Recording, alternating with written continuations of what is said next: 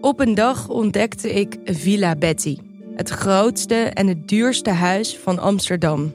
Ik had het jarenlang over het hoofd gezien. Maar mijn buurman Kees niet. Hij ziet hoe zijn buurvrouw Betty op haar honderdste uit de villa wordt gezet. En al haar spullen op een openbare veiling worden verkocht. Wie heeft haar dit aangedaan? Ik ben Floor Doppen en in mijn podcast Villa Betty ga ik op zoek naar Betty's erfenis. Luister nu in je favoriete podcast-app. Chefs de Mission wordt mede mogelijk gemaakt door Odido, partner van Team NL. Welkom bij Chefs de Mission, de podcast waarin we samen met jou, de bankzitter, voorbereiden op de Spelen van Parijs, zodat we dat de leukste Spelen ooit laten worden. Ja, we komen steeds dichterbij, Nienke. Ik heb het gevoel, uh, ik, ik, reed hier naartoe en het was een beetje lenteachtig weer. Ik dacht, uh, we gaan het nieuwe seizoen in en na de lente komt de zomer en in de zomer zijn de Spelen. ja. Steeds dichterbij. Wat gaan we doen vandaag? Nou, we hebben vandaag een hele belangrijke gast in de studio. Ja. Uh, we zijn nu aan het zwemmen in Doha en wij dachten, we moeten meer weten over zwemmen. Ja. Dus Femke Heemskerk is hier aanwezig om ons alles te vertellen over ja, hoe dat nou gaat in zo'n zwembad. Ik heb altijd meteen de tune van Golden Girls in mijn hoofd. Thank you for being a friend. Mooi hè? Prachtig. Is toch Pieter van de Hogeman. Hij wint. Hij wint. Goud voor Ellen van Lange. Dubbel salto, de flying Dutchman. En hij staat. Zie van Assen, los. Volledig gaan. Volledig gaan. Daar is de tweede gouden medaille voor Nederland. Dit is gigantisch. Maar ja, we hebben ook nog heel veel actualiteiten door te nemen, Willem. Ja, nou precies. Um, nou ja, ten eerste was er natuurlijk heel verdrietig nieuws deze Ja. week. Um, werden we in één keer wakker met uh, een bericht dat, uh, ja, absurde bericht vond ik, dat uh, Kelvin Kiptum was overleden. Ja. Uh, we hebben het over hem gehad. Wereldrecordhouder uh, op de marathon. 2.0035 liep hij. Zou in het voorjaar in Rotterdam uh, een poging wagen om onder de twee uur te lopen. Volgens mij keken heel veel mensen daar naar uit. Want het is natuurlijk, ja, dat was magisch geweest. Maar die is uh, plotseling overleden. Hij is uh, omgekomen bij een auto-ongeluk in Kenia. Uh, vlakbij zijn trainingslocatie volgens mij. zijn auto raakte van de weg en, en raakte een boom. en ook zijn coach stierf daarbij. ja, super verdrietig. Ja, ontzettend. Ik, ik vond het heel mooi wat Bert Wagendorp zei daarover in de Volkskrant vanochtend. Een van zijn laatste zinnen van zijn column was... Um, dat er nu waarschijnlijk iemand anders... Want uh, Kipton was nu natuurlijk bezig om die marathon onder de twee uur te gaan lopen. Hij zou degene zijn die dat als eerste zou gaan doen. En misschien zelfs dan in Rotterdam. En dat Bert Wagendorp zei... er is nu iemand anders die zal straks de eerste onder de twee uur zijn. Mm -hmm. En het zal toch voelen alsof hij hem van Kipton heeft gestolen. Alsof het niet zo hoort te zijn. Dat vond ik heel mooi. Want dat, dat gevoel had ik ook wel een beetje van... Dit is een, een belofte die niet wordt ingelost. Zeg. Nee, nee, absoluut. Nee, ik ben toch met terugwerkende kracht ook super blij dat ik die race van hem in Boston even goed heb bekeken ja. toen. En hoe magisch dat was, hoe, hij, hoe hard hij bleef lopen. Gewoon richting die 2.0035. Ja. Mm. En ik moest denken aan dat verhaal van Abebe Bikila natuurlijk, wat ja. we hier in de podcast hebben verteld. Ook een, uh, Olymp of, nou ja, een, de Olympisch kampioen van Rome en Tokio. Ook zo'n geweldige marathonloper. Die ook overleed aan de gevolgen van een auto-ongeval. Ja, verschrikkelijk. Ja, ja, heel verdrietig. Um, ook verdrietig, maar dan in een andere categorie. Het WK waterpolo. Heb je een mooi bruggetje naar gemaakt. Het Ja. WK waterpolo, ja. Eh, ja, de kwartfinale tegen Hongarije zijn de Nederlandse dames uitgeschakeld eh, na strafworpen. Ja, Het, eh, ja. dat zijn we niet meer gewend. Nee, nee, merkte wij, ik. wij gaan alweer. Nee, was, je, was je zo teruggesteld? Ja, ik was zelfs een beetje bozig. Oh ja, nou ja, ik, ik vond het, ik bedoel, eh, hun eerste wedstrijd eh, verloren ze 10-8 van de, van de VS. Ja. de VS zijn ook echt de angstgegners. Mhm. Maar Hongarije ook, hè. Ik bedoel, eh, Ja, ja. dat is een hartstikke sterk team. Ze wonnen daartussen nog wel met nou, enorme cijfers van Kazachstan en van Brazilië. De, de tussenronde tegen China werd dan nipt gewonnen. Dat was al een, een spannende wedstrijd. Ja. Ja, de kwartfinale tegen Hongarije helemaal. En het kwartje viel net de verkeerde kant op. ja, kan ook een keer natuurlijk. Ja, Maar de vrouwen zelf zijn eh, optimistisch hoor over de Olympische Spelen. Eh Sabrine van der Sloot zei tegen de NOS. Ik denk dan eh, dat je ook realistisch moet zijn. Je kunt niet zoveel achter elkaar pieken. Dit was niet ons beste toernooi. En dat komt doordat die, door dat andere toernooi. Dat is jammer. Want ik denk dat we bij de top 4 van de wereld horen. ja, Denk ik ook hoor, Sabrina. dat lijkt mij ook. En bovendien, eh, het is wel ook niet slecht, denk ik, om een paar maanden voor de Olympische Spelen een keer het deksel op je neus te krijgen. Het maakt ook, denk ik, weer hongerig. Ik denk dat je veel leert van zo'n eh, van zo'n toernooi waarin je, waarin je verliest. Dus ik heb wel, eh, voor mij past het in een, in een, een prima voorbereiding. Nou, we, we hebben meer gouden medailles gezien waarbij teams, zeg maar, Ja. eh, ergens in de, in de voorrondes of zo nog eens een keer onderuit gingen. Of in een groepswedstrijd en dan Ja. nog goud wonnen. Dus eh, Ja, en het is, het- ze zegt we zijn top 4, maar ze hebben ook van iedereen al wel eens gewonnen. Dus ze hoeven van niemand bang te zijn. Dat is denk ik een goede, goede les om mee te nemen. horen jullie dat? Horen jullie Willem Dudok? Jullie hoeven voor niemand bang te zijn, dames. Precies. Eh, goed nieuws uit Doha. ja, Meer, meerig, meerig, goede nieuwtjes, maar onder andere over onze geliefde gezusters de Brouwer. ja, wij zijn natuurlijk nu... Ja, we zijn De bijna... Brouwer Watchers. We zijn de, de Brouwer Watchers van Nederland. We zijn, zijn de de- artistic swimming connoisseurs van Nederland inmiddels. En dat gaat allemaal nog veel eh, beter worden. Want wij mogen binnenkort bij hen op bezoek. Leuk. Bij de nummer twee van het WK. Ja, eh, ja insane. Wat een, eh, wat een eh, bizarre prestatie. Ze waren al vierde geworden op het technische nummer, volgens Mhm. mij. En werden nu tweede op, het vrij, om de, op de vrije kuur. Ja, ik- ja geweldig. Heb je, heb je het een, beetje meegekregen? Nou, ik vond vooral de, de pakjes waren echt fantastisch. Ja, Gebaseerd op de Sterrennacht van Van Gogh. Die zagen er echt fantastisch uit. ja. En als je dan ziet wat voor figuren zij dan doen.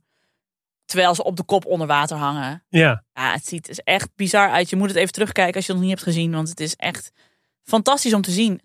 Ja, en dit is voor ons als de, de, de, de, de, de, de Brouwer Watches is dit gewoon... eh, Ja, en ze zijn dus ook eh, gekwalificeerd voor Parijs eh, 2024. Dus dat is top. Eh, en ja, jij zei het al, we mogen er op bezoek. Dus dat wordt uh, gelatine smeren, Nienke. Zeker, zeker. Ik ben helemaal klaar voor. Ik kijk nu al uit naar de foto's. Ja, maar weet je wat ik dus nog even, even tussendoor... Ik zat dus even te dromen en ik dacht ik... Stel nou dat, dat Nederland goud wint op het onderdeel artistic swimming. Dat Mhm. is toch... Ja. Ja, ik kan me daar geen voorstelling van maken. Maar het kan dus gewoon. Hij zaten dus echt nog heel dicht bij goud. Hè? Dus de, die Chinezen die zaten Ja. echt nog maar, weet ik veel, twee tienden of zo boven ze. Het was echt eh, was heel close. Nou, kijk je. En we waren hier al zo blij mee. Ja, Nou, nagaan. cool. Ehm, heb je de medailles gezien die gepresenteerd zijn? Ja, met een stukje Eiffeltoren erin. Leuk hè? Mooie symboliek. Ja, hartstikke 18 gram ijzer dat ooit onderdeel was van het iconische bouwwerk eh, in, in de binnenstad van Parijs. Eh, ik dacht, eh, hoe hebben ze dat dan gedaan? Ja, het is niet als met Jenga dat ze de stukken Nee, uit hebben gehaald. daar was ik eerst bang voor. Ja, dat dacht ik wel. Ja, nee, maar het blijkt dus allemaal uit de oude onderdelen van de Eiffeltoren te komen. Die tijdens renovaties zijn vervangen en sindsdien zijn bewaard, zeg maar. En ja, het is best wel cool, want ze hebben dus zo'n, in elke medaille zit er zo'n zo'n zeshoek. En dat verwijst dan weer naar de vorm van Frankrijk. Dus eh, nog, meer, nog meer symboliek. Eh, en dan heb je de andere kant van de Olympische medaille. Daar staat dan de Griekse godin van de overwinning. Eh Nike. Nike, ja. Eh, en die, en eh, de Acropolis van, van Athene aan de ene kant en de Eiffeltoren aan de andere kant, zeg maar, van die, van die kant van de medaille. En op de Paralympische medaille staat een afbeelding van de Eiffeltoren. En daar staat Parijs 2024 in braille geschreven. Wat goed. Wederom natuurlijk een eerbetoon aan de Fransman Louis Braille, Die dat allemaal bedacht heeft. die dat allemaal bedacht heeft. Leuk hè? Ja. Ja, en ehm, eh, even fun fact: 5084 medailles worden er gemaakt. Zo. En dat komt dus neer op 915 kilo aan Eiffeltoren. Zo. Had ik berekend. Ja, lekker. Ja. Ja, en dan was er nog meer nieuws rond het WK zwemmen. Groot nieuws, mooi nieuws. Maar daar hebben we het zo over. Want eh, na onze blokje van de sponsor schuift er een speciale gast aan bij ons in de studio. Heb je, heb je het eh, netjes geïnstalleerd op je computer? Ja, want eh, anders kom ik nergens. Kijk, wij houden, hebben we hier al eerder gezegd, wij houden van obscure eh, Mhm. sites waar je eh, sporten kunt kijken die de Ja. NOS dan niet heeft. Uh-huh. En dan kun je niet zonder NordVPN, want anders kom ik nergens naar binnen. Nee, dat is waar. Aziatische re- reality TV. Kijk jij graag. dat weet iedereen. Ja, het is dat en Bengaal schermen. En nou ja, het is allebei gewoon eh, heel ingewikkeld. Nou, ik moet zeggen, het is wel. eh, ik ben natuurlijk. We moeten natuurlijk nu professioneel veel sporten volgen. ja. Dat valt niet mee, want je bent in Nederland vrij snel aangewezen op de NOS. En die heeft weliswaar een fantastisch aanbod. Mhm. Maar nou, dit is wel, het is niet eh, oneindig, laat ik het zo zeggen. Nee, en dan kunnen zij ook weer niks aan doen. Maar Nee, het is precies. wel wat het is. Dus ja. het is her en der zeg maar sprokkelen naar streampjes. En die streampjes die, eh, die, eh, die ontspringen vaak in eh, het buitenland. Mhm. En in het buitenland mag je vaak alleen kijken als je uit dat land komt. Ja. En dan helpt het dus als je NordVPN hebt. Want dan kun je gewoon doen alsof je uit België komt. Dan kun je gewoon Sporza kijken. Precies. Of uit Engeland en de BBC. Ja. Enzovoort. Nou, en het handige is dus, het hoeft niet alleen op je laptop, het kan ook gewoon op je telefoon. Ja, en het is ook nog super veilig. Ja. En eh, je kunt een eh, exclusieve NordVPN deal krijgen via Chefs de Mission. Dikke korting op je NordVPN plan. En daarbovenop vier maanden gratis via... www.noordvpn.com slash chefs de mission. Ja, en het is ook nog zonder risico. Want eh, als je na 30 dagen niet tevreden bent, of binnen 30 dagen niet tevreden bent, krijg je gewoon je geld terug. Maar niemand die dat ooit doet. Ach. Iedereen is super tevreden. Wat dacht jij? Femke Heemskerk, geboren op 21 september 1987, debuteerde in 2005 op het WK zwemmen in Montreal. En ze mocht daar de serie zwemmen in de estafetteploeg op de 4x100 meter vrije slag. Nou, en dat is een goed estafette-team. Eind 2021 zwom ze haar laatste internationale wedstrijd in Eindhoven in de 4x100 wisselslag. In de tussentijd zwom ze 10 EK's korte baan, 7 EK's lange baan, 4 WK's korte baan, 8 WK's lange baan en de Olympische Spelen van Beijing, Londen, Rio en Tokio. Hoeveel medailles eh, behaalden ze daar? 60 of meer zelfs, denk ik nog. Meer. 65? 65. 65 medailles. Ja, waarvan er toch echt een paar in ons geheugen gegrift staan. Zeker, Ja. zeker. En, maar de, de legendarische status en de top van de Olympus, die eh, bereikte ze natuurlijk al, al eerder. Namelijk met een eh, geweldige reclame voor Kinder Bueno. Oh. Word, word- word je daar nog vaak aan herinnerd? Nee, het valt mee. Hij, sta- hij staat ook niet op YouTube, zag Klopt, ik tot mijn ja. spijt. Nee, Is ja. daar- heb jij er maar zelf afgehaald? Of? Nee, zeker niet. Nee, nee, daar heb ik helemaal niks mee te maken. Ik vind het altijd heel geruststellend dat zeg maar, mensen die zoveel talent hebben voor dingen ook soms geen talent hebben voor iets anders. Klopt, Namelijk ja. acteren. Ja, maar Mark Tuitert heeft het toch ook gedaan? Ja, dat, is, dat was je redding denk ik, want die had echt nog minder talent voor ja, maar goed. Eh, in 2008, eh, want daar had ik het natuurlijk eigenlijk over, de top van de Olympus. In 2008 was ze onderdeel van de Gouden Estafetteploeg. En werd ze samen met Marleen Veldhuis, Inge Dekker en Ranomi Kromowidjojo eh Olympisch kampioene in Beijing. Ja, goh, iconisch sportmoment toch? Ontzettend. Nou ja, Ja. en met diezelfde club vier jaar later in Londen ook nog een keer zilver. Ja, Ja. Echt, echt geweldig. Femke, welkom. Dankjewel. Hoe is het met je? Goed, Ja? goed. Behalve een eh, gekneusde enkel, begreep ik. Ja, klopt. Ja. Ja, oh, dat zuur. we toch nog. Ja. Dat zeggen we niet. Kleine setback, geeft ja, niks. nee, klopt, klopt. Ik eh Toch nog een blessure. toch nog een blessure, ja. Ja. En, eh, maar ja, daar gaan we het niet over hebben. Maar eh, verder gaat het goed. Ik zit ook helemaal in het WK zwemmen. Dus eh zusjes de Brouwer, eh, waterpolo. Intens beleefd gisteravond. Ja? Eh, ja, ja, ja. Mhm. ik denk dat toen ze die 8-8 gelijk maakte, heb ik zo hard geschreeuwd. ik had eigenlijk een afspraak, dus ik heb zo. Nou, ik zou naar de fiets gaan. Ik zei, ik eerst nog even de penalties kijken hoor. Ik ga Ja. Niet nu, nu op de fiets. Maar ehm, ja, dus ik zit lekker ook eh, waar ik kan eh, zwemmen te kijken. natuurlijk. Ja, wat leuk dat je daar nog zo betrokken bij bent. Ja, Ja, natuurlijk. ja. ja het is ook niet, oh, nog niet, je hebt niet een pauze gehad, zeg maar, dat je er even niks mee te maken wilde hebben. Gewoon eigenlijk voortdurend meteen doorgegaan als Nee, ik denk kijker, wel, analist, fan. ja, ik denk wel, ik ben wel echt een liefhebber, altijd al geweest. Dus ik kan ook gewoon heel erg genieten van hele mooie races. Ook als er, nou ja, ik ken nog best wel veel mensen natuurlijk die eh, nu nog zwemmen. Ja, Maar er zijn ook steeds weer natuurlijk nieuwe. ja. Die opkomen. En dan, ja, ik ken er steeds minder. Maar eh, het is, het is eh, nog steeds, eh, ja, ik ben nog steeds heel erg liefhebber. Dus. Vond je het niet raar dat je er, eh, dat je er niet bij was? Nee, nee, dat moment ben ik echt wel, eh, dat is wel echt voorbij. Ik ben nu Ja. ruim twee jaar gestopt. Ja, Dus het is meer dan de eerste, eerste toernooi waar je dan niet bij bent. Volgens mij was het eh, Ja. een E- ja, EK, volgens mij in Rome. En dan Mhm. dacht ik, ja, Rome is een van mijn lievelingsplekken om te zwemmen. ja. Eh, dus dat is meer een beetje op die manier. En natuurlijk, ik zit er nu naar te kijken en dan denk ik wel van, oh ja, zij voelen zich nu allemaal super sterk on top of the world. En die voelen zich heel sterk in het water. En dan weet je wel, ja, dat gevoel ga ik gewoon nooit meer op dat level krijgen. Dus alleen naar dat gevoel kan ik soms nog wel eens verlangen. Maar verder denk ik niet van, oh, was ik maar weer in dat hele regime. En Mhm. nee. Het is nee, ook wel lekker dat dat niet meer hoeft. Nee, misschien. nee, precies. En je hebt je nieuwe leven ook eh, eh, vol genoeg ingericht, weten wij. Je doet een eh, opleiding tot hap- haptonoom. Haptonomisch therapeut, moet ik het goed zeggen? Ja, haptonoom, haptotherapeut. Ja. Haptotherapeut, ja. En je werkt, je hebt mijn droombaan, je werkt bij een boekhandel. Ook dat nog. Ja. Ja.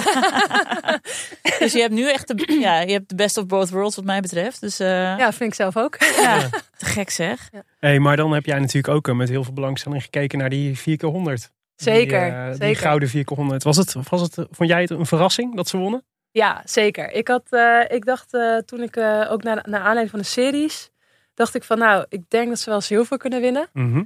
Maar toen na 350 meter, toen dacht ik ja, maar dat komt altijd zo goed terug. Ja. En ik vond die Australische toch niet zo sterke ogen als Madden. Dus toen dacht ik ja, ze gaan wel winnen nu. Ja. Ja. ja, want we hebben het natuurlijk over de, de 4x100 eh, die nou ja, een paar dagen geleden inmiddels zeg maar, tot goud leiden met Marit Steenberg en Kira Toussaint. hey, daar hebben we Daar er is ze weer. meteen, hè? In de, Ja. Meteen in de prijzen. Ah, Wij zijn, hebben een neusje voor. Kim. Kim Busch en, en Janna van Koten. Als jij nou naar zo'n race kijkt, wat valt je dan op? Waar kijk je dan naar? Want jij zei al van, ik zag dat die Australische toch niet zo sterk was. En ik weet dat Marit Steenberg dat eindschot heeft. Ja, waar ik op let. Ja, ik zit dan gewoon in zo'n race. En ehm, het was gewoon. Er waren heel veel ploegen ook niet. En Mhm. ook niet voor het Australië ook niet een sterkste Ja, opstelling. ja, het is natuurlijk een beetje pre-Olympisch. Dus ja, dus als je zeg maar, toernooi. ja, dus als je zeg maar even heel eerlijk kijkt naar de tijden, zeg maar, dan was de winnaar vorige WK was acht seconden sneller. dat is nogal. dat is echt heel veel. Ja. Maar goed, daar gaat dat, dat gezegd hebben, dat halen we dan weg. Ja. Hè? Dan Ja. gaan we kijken van, oké, er ligt gewoon een hele mooie kans. En Ja. wat ik gewoon heel te gek vind, is dat ze dat dan pakken. Ja. Want eigenlijk waren er drie, vier teams die toch best wel eh, aan elkaar gewaagd waren. Ja.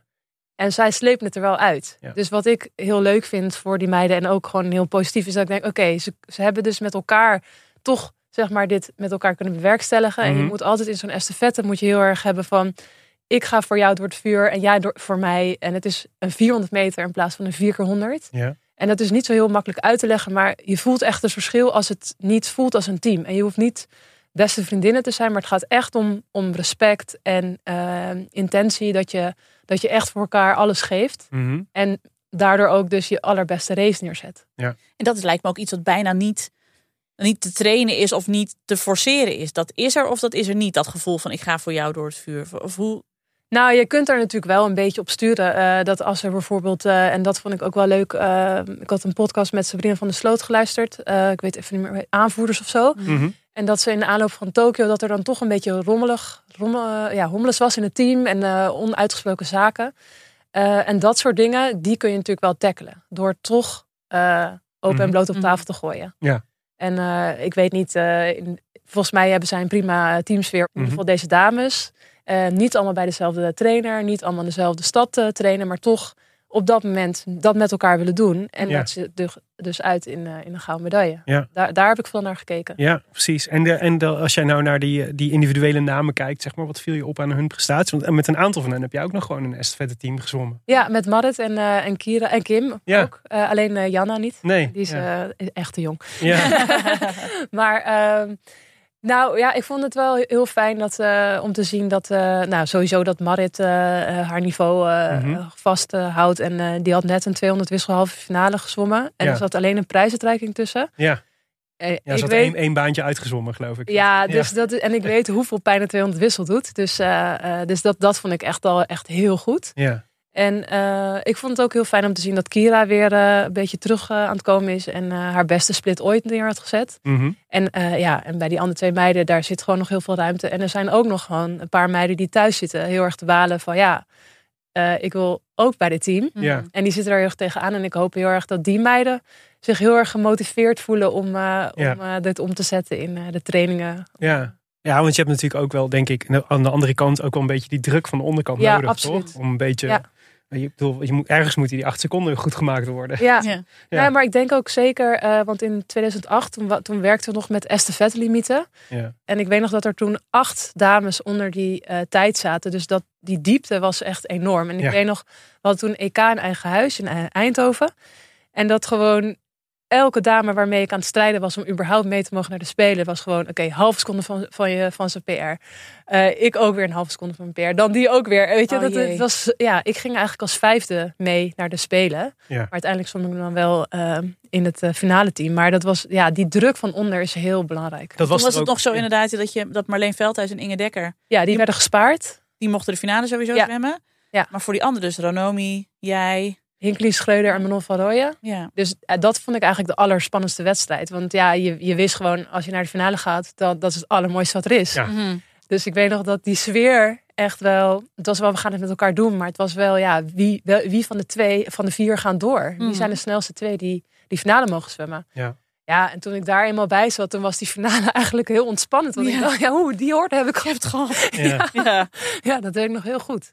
Hey, wat zegt dit nou voor, van zo'n prestatie? Want jij zei, het is een beetje gedevalueerd WK. Maar goed, ja, WK goud is WK goud. Ze zijn gewoon absoluut. wereldkampioen. Ja, Over ja. tien jaar weet niemand dit nog, zeg maar. Dat, eh, Nee, maar dat maakt ook niet uit, want ze hebben, ze hebben dit gewoon gedaan. Ja. Dus ik wil ook zeker niet het definiëren, Nee. maar ja. als mensen mij vragen, ja, hoe is dat dan voor prijs? Ja, moet je niet denken als ze nu opeens Nee, Olympisch goud gaan winnen. Maar wat Nee. is, nee, dat, dat snap ik. Maar wat zijn dan, eh, ehm, hoe moeten we dit dan duiden richting, richting Parijs, zeg maar? Want die acht seconden is natuurlijk echt nog een gat naar de top. Ja, oké, maar dan heb je het wel echt Australië die echt zo'n zieke diepte heeft in de Ja. 100 vrij. Ja. Dat is echt niet normaal. Daar Ja. gaan daar mensen afvallen Ja. die zeg maar eh, gewoon misschien wel snelste zouden zijn of tweede in Nederland. Ja. Omdat Marit natuurlijk heel goed is. Maar Mhm.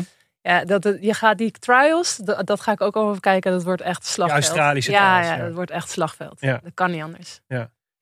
Oké. Eh, maar hoe ik er naar kijk, ehm, ja, ik, ik denk wel dat ze de Olympische finale kunnen halen. En ook dan moeten ze sneller dan dit gaan zwemmen, verwacht Mhm, ik. ja. Ehm, ja, ik, hoop gewoon dat, eh, dat de dames die ook nog thuis zitten, dat, dat die inderdaad eh, heel erg gemotiveerd gaan zijn. En dat ze in april is volgens mij in Eindhoven kwalificatiemoment. Ja. En daar moet het gewoon gebeuren dat het, eh, ja, dat, dat het daar heel spannend gaat worden. En dat het niveau hoog is, dat ook daar dan eh, richting Parijs, dat je voelt van ja, ik ben echt nog niet zeker van mijn finale plek. Behalve marathon, want die is Mhm. wel echt eh, veel beter qua niveau nu op dit moment. Ja.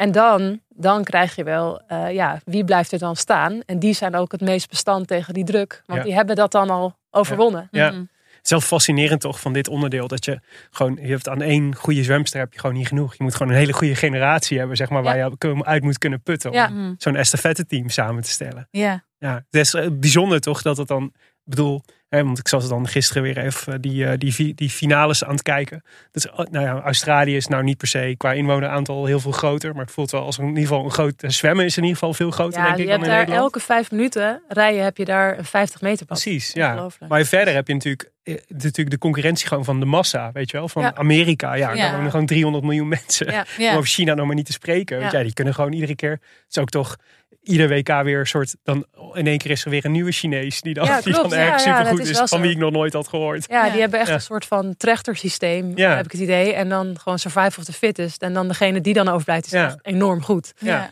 Ja, maar dus, dus best wel moeilijk, denk ik, voor een land als Nederland. Om dan juist op zo'n onderdeel. Waar, dus, waar je dus niet één topper nodig hebt. Maar gewoon mi- maar minimaal vier. En eigenlijk zes. Eigenlijk, maar, ja, het liefst wel. eh, ja, en zeker voor deze spelen wil je Marit eigenlijk wel eh, gewoon kunnen sparen. ja. Maar dat wordt, ja, dat Kan eigenlijk niet dan. kan eigenlijk denk ik niet. Nee. Nee. Ja, jeetje. Hey, wij hoorden dat jij eh, jarenlang op 10 augustus eh, een appje naar een paar mensen stuurde. Ja, nog steeds. Nog steeds, nog steeds ieder jaar. Ja. Vertel eens over dat appje. Wat staat erin? Ja. Ja, gewoon. eh, het is gewoon vaak één zinnetje of zo. Maar gewoon, eh, eh, weet je nog? Of het is vandaag weer eh, 10 augustus. Wat een prachtige dag. Maak er een mooie dag van. Zoiets. Gewoon. Ja. Ja, ik vind het gewoon wel gezellig. Mhm. Want ja, ik denk er toch elke 10 augustus denk ik aan. En ik heb, ik heb maar één Olympische titel. Dus ik Ja. kan niet als Michael Phelps. Maar, maar één Olympische titel. maar, Ja, Michael Phelps is dan, Ja. het is vandaag weer. Die heeft 365 appjes klaarstaan eh, als de tegenstanders. die heeft een assistent. Weet je nog? Vandaag won ik van jou. Ja. Ja. Nee, maar ik, het is, ja, ik denk er elke 10 augustus aan. En eh, mijn eerste vriend die, eh, die zei altijd eh, tegen mij... ehm, ja, je moet echt op 10 augustus moet je eigenlijk altijd iets leuks doen. Ja. En toen dacht ik, oh, dat vind ik eigenlijk wel, Ja. vind ik wel, iets, vind ik wel een mooie... En doe je dat ook? Nou, dat eigenlijk niet. Maar soms wel, mooi. soms wel, ja. Ja. ja. Maar ik kan me ook voorstellen dat er wel een verschil is, zeg maar, eh, met 10 augustus in je actieve carrière en 10 augustus daarna. Klopt. Want ja. het is natuurlijk, het is, het is een beetje gek om telkens zeg maar terug te blikken op zo'n één zo'n moment als je nog bezig bent met nieuwe hoogtepunten voor elkaar te zwemmen. Terwijl misschien nu is, ik heb je daar, kun je het nog meer gewoon op waarde schatten of zo. Of hoort het bij gewoon eh, de afrekening van, van je hele zwemcarrière. ja, en nu kom ik ze ook natuurlijk niet meer echt vaak tegen. Ik bedoel, dan Ja. Zag ik natuurlijk dag in dag uit. Oh ja, ja. Ja, ik heb nog steeds wel met hoor. Maar eh, eh, dan is zo'n appje is gewoon wel leuk. Maar ehm, ja, of- ik weet niet. Ja, ik weet niet. Misschien wel, ja. Ik, ik, ik had nooit inderdaad. je gaat. ik heb het wel eens vergeleken met als je in de kroeg zit. Pint te, te drinken. Niet dat ik dat doe, maar Mhm. noem maar wat. Bij wijze van spreken. Ja, precies. Ik drink helemaal geen bier, maar Ja.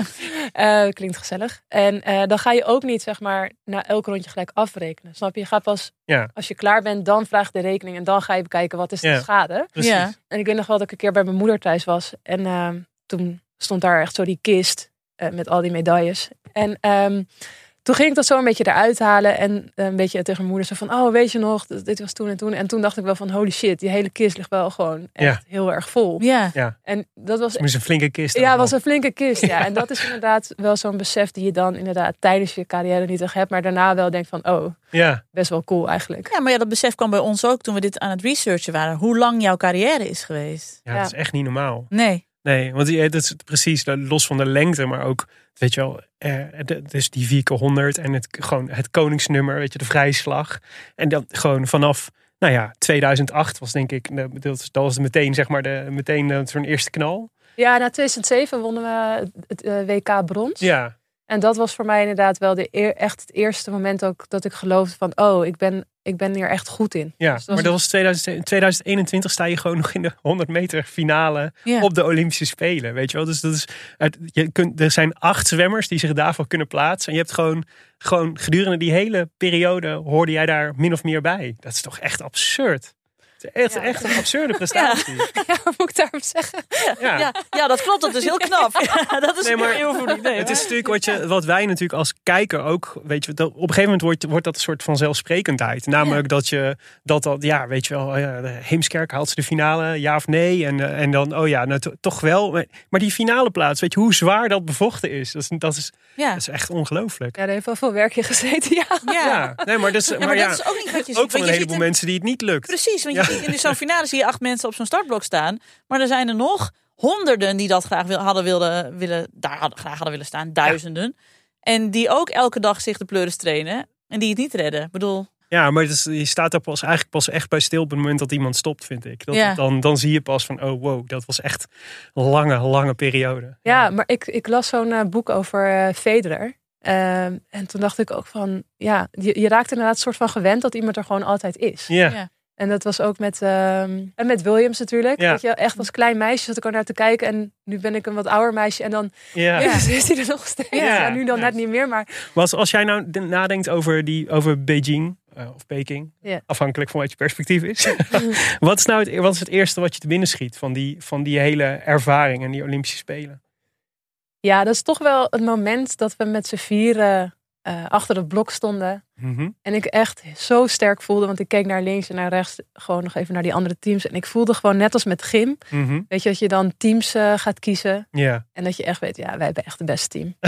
ik weet nog zo goed dat ik dat voelde. Van, ja, wij zijn zo goed. En ehm, mijn, eh, mijn vriend op dat moment was Jeroen Stekelenburg. En eh, hij werkte bij de NOS. Ah, verslaggever. Ja, verslaggever. En eh, die had ook een beetje olie op het vuur gegooid. Want hij zei, ja, ik was net bij de persconferentie. En eh, ja, de Amerikanen hebben het echt alleen maar over Australië. Hoe goed die wel niet zijn in de Mhm. estafette. Maar wij hadden gewoon in maart dat jaar... hadden wij het wereldrecord gezwommen Ja. met z'n vieren.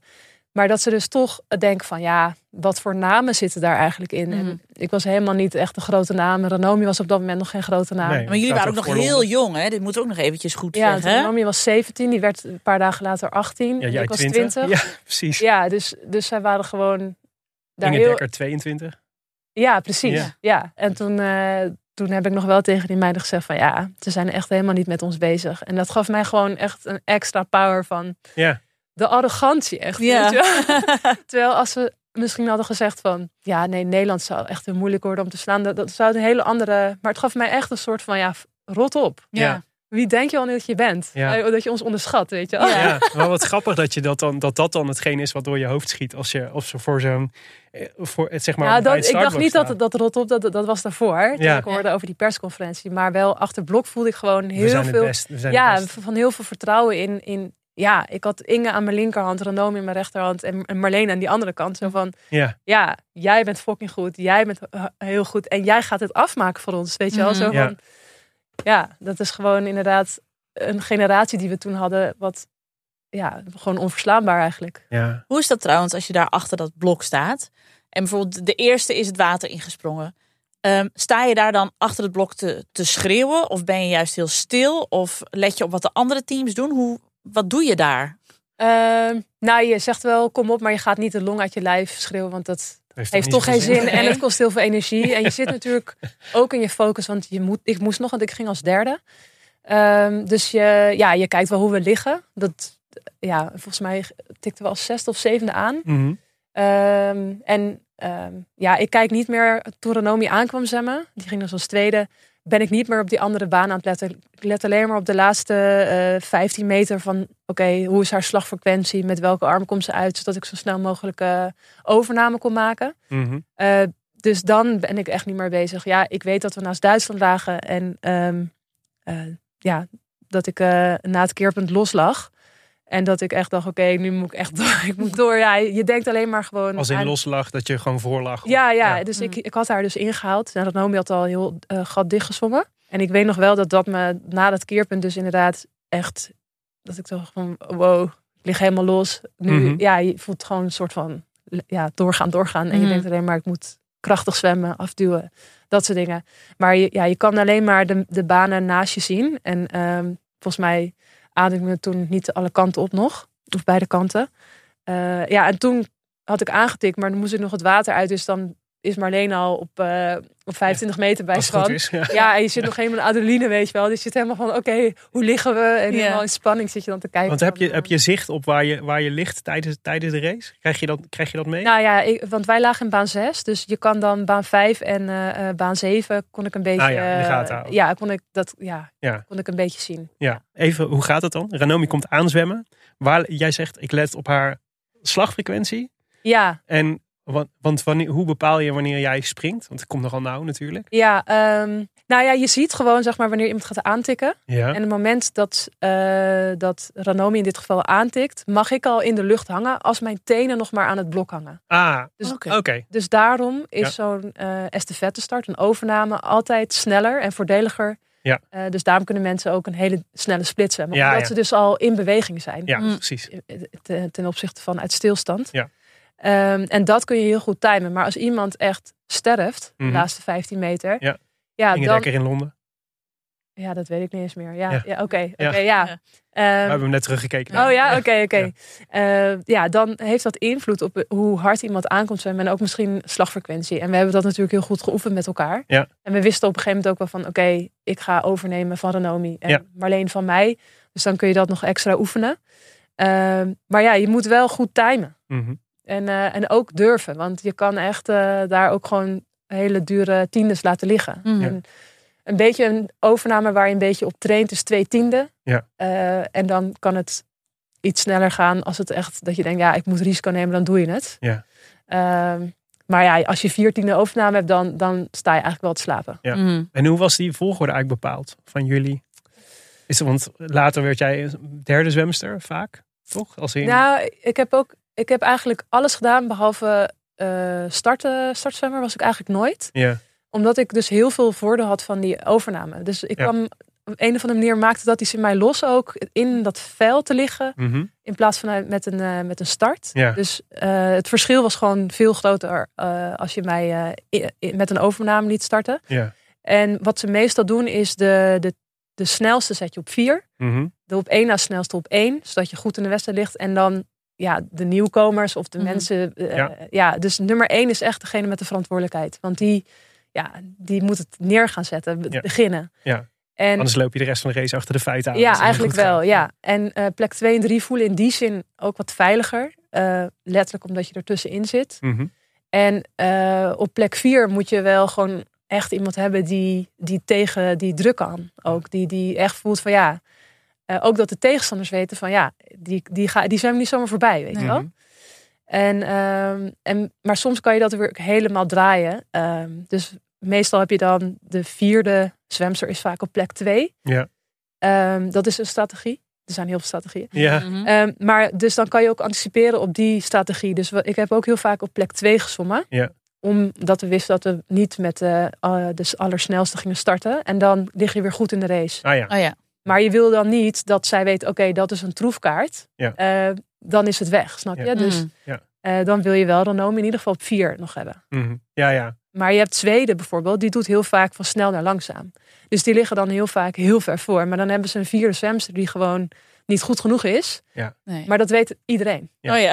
ja dus, Dus- niemand maakt zich zorgen Nee, als die dus- te ver voor liggen. Ja, precies. Ja. Ja. Dus je weet wel, ja, ik, ik wil dat heel graag weten tegen wie, wie ik zwom. Ja. Omdat ik dan ook wist van ja, ik weet nog heel goed de EK in 2021. Toen lag ik iets van twee seconden achter.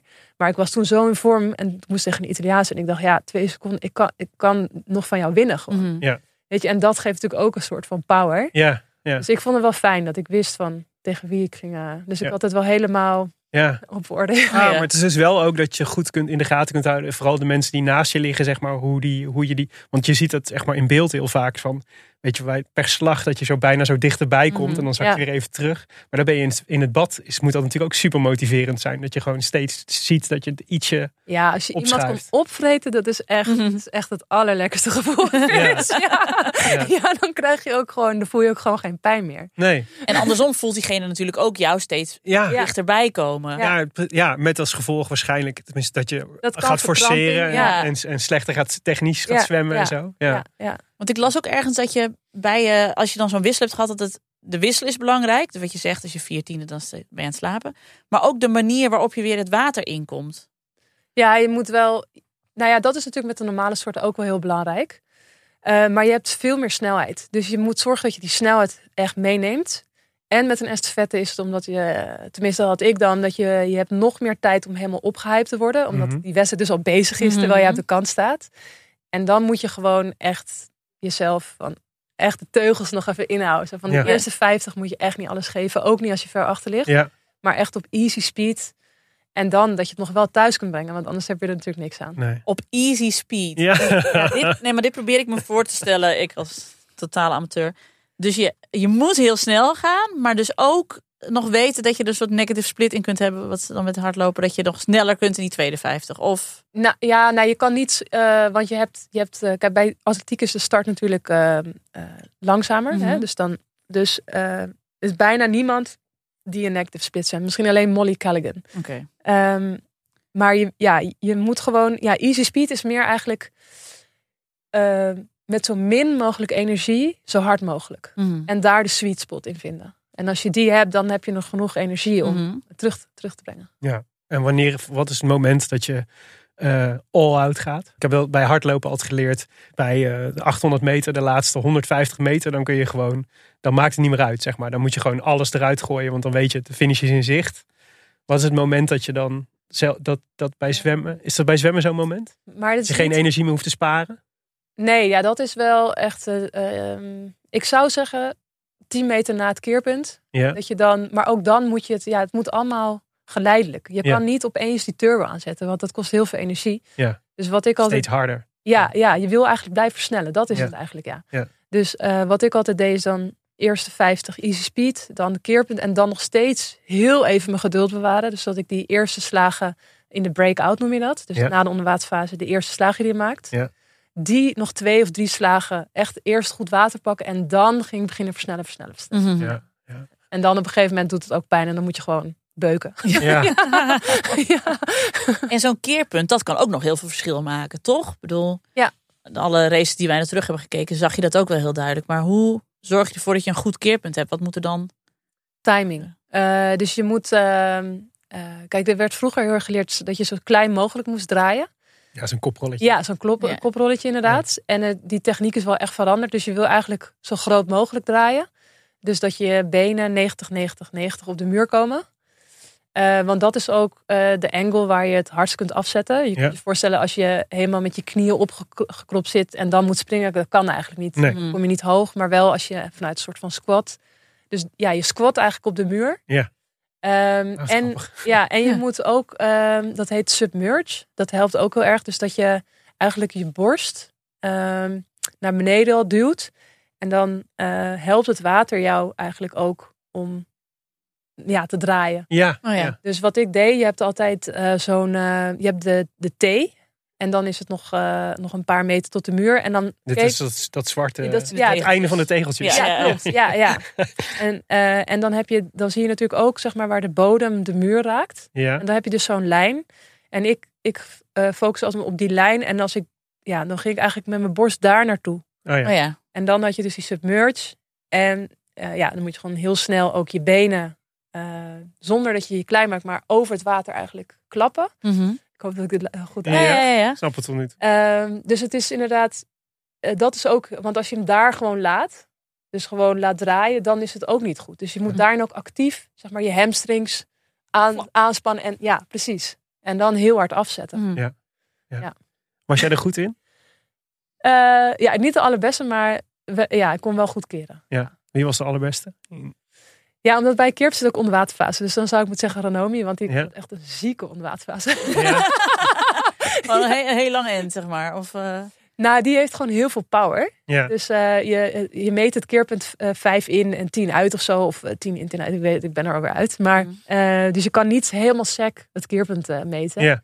Eh, dus ik kon op zich goed draaien, maar mijn onderwaterfase was niet, eh, niet het best van de wereld. Mm. Ik kon vooral heel hard zwemmen. Ja. Ja. Ja. Op die 100 meter heb je natuurlijk super veel aan. Er wordt heel vaak het verschil gemaakt op het keerpunt natuurlijk. Ja, gewoon- zeker korte Ja. baan. Want Ja. dan heb je natuurlijk drie keerpunten. Ja. Dus, eh, ja. Ja. Ik ben ook wel benieuwd naar.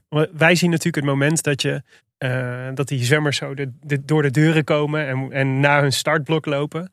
Maar wat gebeurt daarvoor eigenlijk? Ik zag beelden van een, zo'n call room. Dat jullie dan met z'n allen bij elkaar door elkaar zitten. En met massagetafels en, en, eh, Nou, en massagetafels opwarmbad. staan er niet. Nee? Oh, Nee, nou ja. nee, nee. Maar in ieder geval dan stoelen waar mensen dan even rustig Ja. op zitten en zo. Maar hoe is de sfeer daar? Ook bijvoorbeeld, in, zeker rondom zo'n Olympische finale of een WK-finale. Dat moet toch, het moet toch super spannend en om de sfeer om te snijden zijn. Nou, ik vind het dus eigenlijk bij de dames altijd wel heel lieve energie ha- hangen. Mhm. Ehm, maar je bent zeg maar ongeveer 20 minuten van tevoren moet je je melden. Ja. Eh, en dan eh, moet je accreditatie eh, laten zien. En eh, je moet op elk badpak zitten een soort van code. ehm, die, zodat het badpak zeg maar getest is door het Wereldbond. Dus Ja. dat die approved is. Dat Ja. je niet zomaar met een, eh, een heel speciaal badpak daar aan komt zetten. Dat mag niet. Je bril je badmuts worden gecheckt op logo's en eh, dat soort dingen. Ehm, nou, dat is dus controle 1. En dan zit je inderdaad, staan er allemaal stoelen. En dan zitten al die teams daar. En dan, nou ja, dan, ja, je kan niet zoveel doen. Dus dan is het een beetje ieder voor zich en nog even wat hij nodig heeft. Dus ik doe meestal dan daar, deed ik nog een visualisatie eh, van mijn race. En, en ja, je gaat wel met je teamgenoten van, nee, kom op, we kunnen dit. Ja. Ja, weet je wel. En gewoon een beetje kijken van, goh, wat heeft iemand nodig? Is iemand gespannen? Is iemand gespannen? Is dat je nog even doet van, nee, Ja. even- weet je wel. Ja. Mhm. Zo.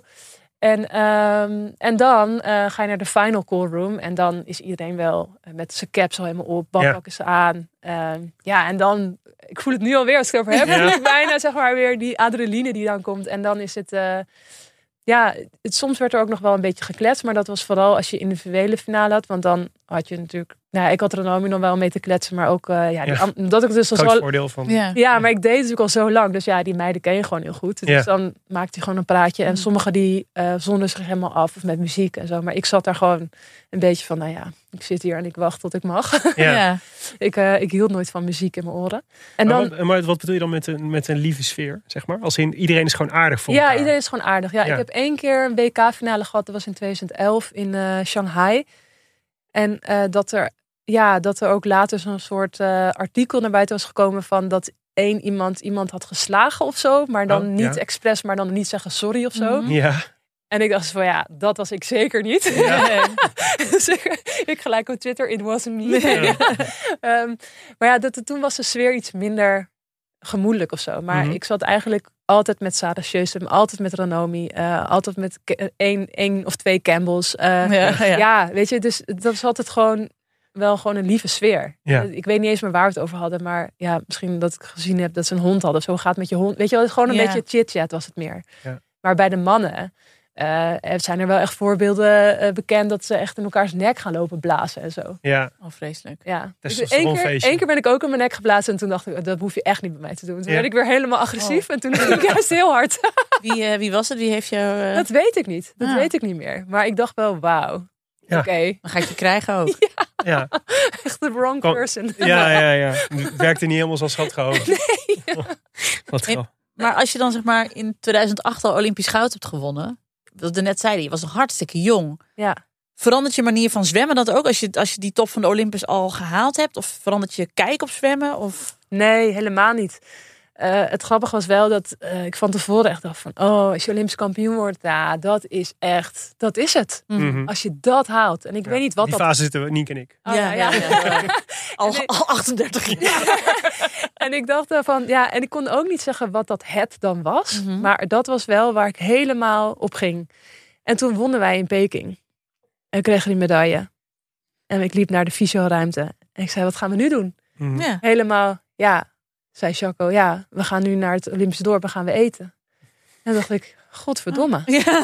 Ja, Moet ik nou nog steeds eten? ja, ja, nou, nee, ja, ik weet niet wat het is, maar toen dacht ik, ja, Ja. dat is eigenlijk best wel een anticlimax, zeg maar. Het was, Ja. het was een van de mooiste momenten in mijn leven, maar toch ehm, eh, was het, dacht ik ook een soort van wake-up call van, hoezo dacht ik dat dit een soort van Mhm. levensverandering zou teweeg Ja. brengen of zo. Ja. Nou ja, we gingen inderdaad eten. Daar moet je ook weer gewoon naar de wc, weet je wel. Ja. Dus het was En er is niemand die je tijdens het eten de druiven voert of zo. Weet je, het is niet. Nee, dat- eh, nee. Nee, maar dat is dus het gekke. Want ik had niet verwacht dat, dat dan iemand mij ging voeren of zo.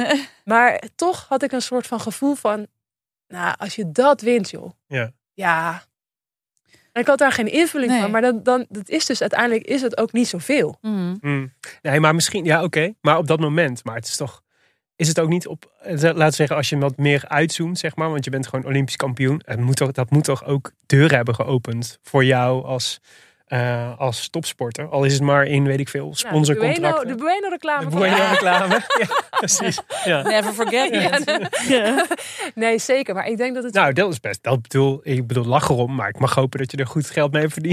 Ja. Maar, dus, maar de, de, dus alleen dat al, weet je wel. Dus toch, en ik denk dat mensen ook op een andere manier naar je kijken. Je bent in één keer, je bent, we zitten inmiddels 15 jaar later en je, de, de- mensen eh, associëren je nog steeds met de Golden Girls, weet je wel. Dat is- Ja, nou, ik zelf was daar niet zo heel erg mee bezig. Nee, dus dat is, dat is, eh, eh, dat klinkt misschien raar, maar ik werk natuurlijk nu bij de boekhandel. Ja. En dan komen er soms ook mensen en dan, die herkennen me dan. En dan, dan, ja, dan vergeet, nou, ik vergeet het niet dat ik ook gezond heb, maar denk ik, hè, maar ik, ik, ben, ik ben boekverkoper nu. En ik, Mhm. en ik, ik huh, hoe?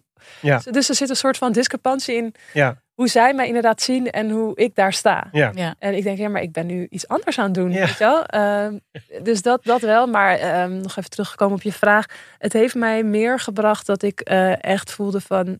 Wauw, dit, is, dit vind ik zo waanzinnig leuk. Ja. Mm. En ehm, eh, dat ik meer dacht van... Oh, ik wil kijken hoe ver ik, hoe snel ik kan worden. Mm. Ja, ja. Dus het heeft me meer echt een hele goede Ja. motivatie gebracht... om eh, ook individueel te kijken wat ik kon doen. ja. Misschien ook al een, een validatie, omdat je dus nog zo jong was van, maar ik hoor hier dus echt. Er is nu geen twijfel meer Ja. dat ik hier hoor en dat dit mijn Klopt, ja. Nee. Ja, nee. het is wel echt... eh, Het ja. is ook niet dat je erachteraan sukkelde, zeg maar, in de finale. Mm.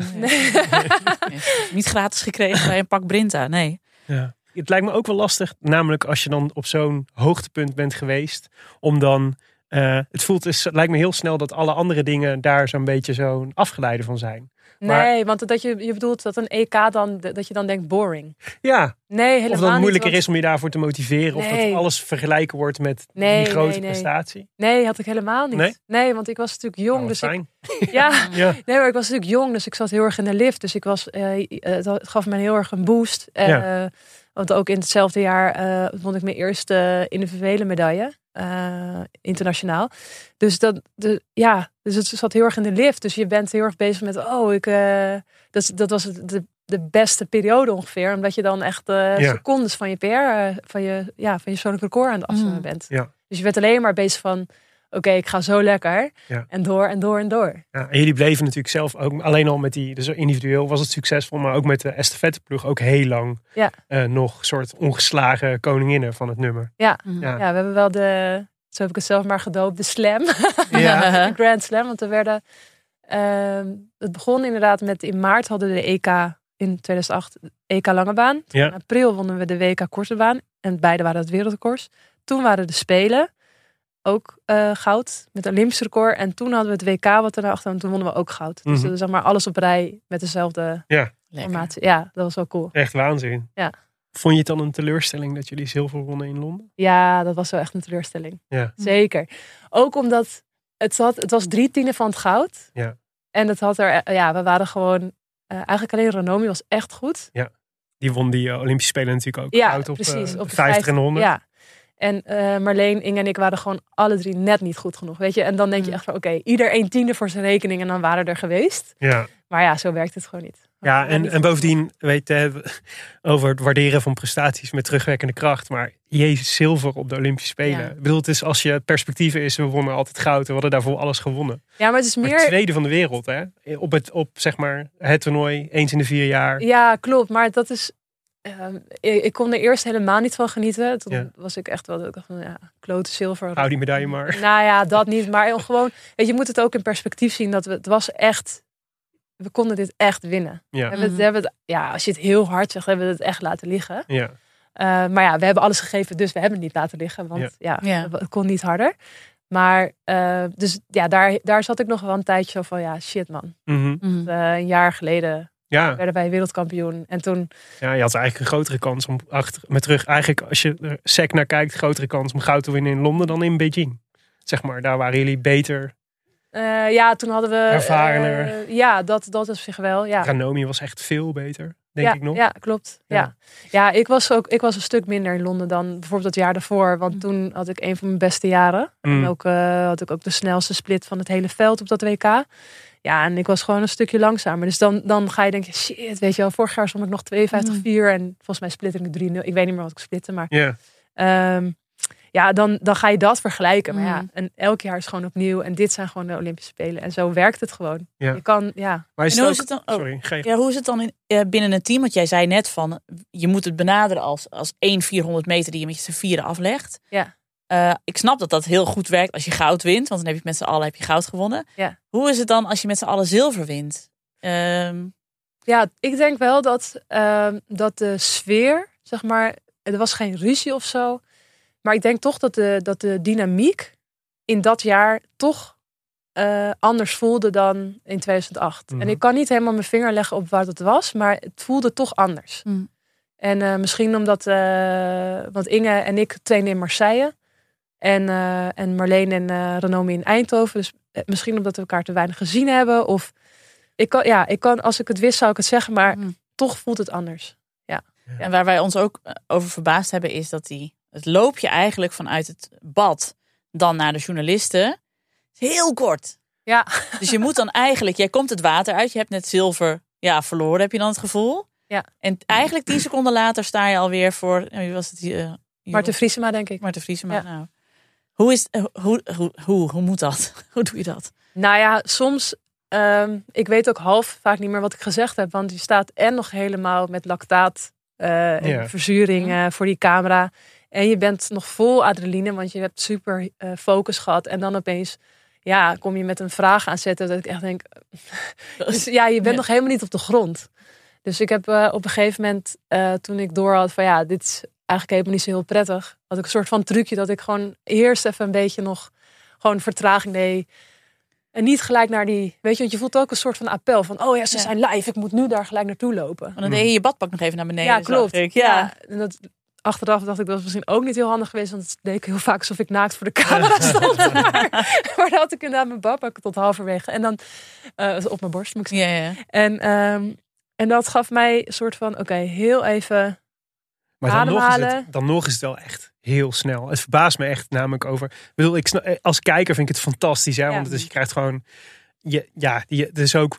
Nou ja, er zijn sommige zwemsters, denk ik, die er beter in zijn dan anderen. Om dan een soort van cliché verhaaltje op te houden. Of gewoon standaard antwoorden te geven.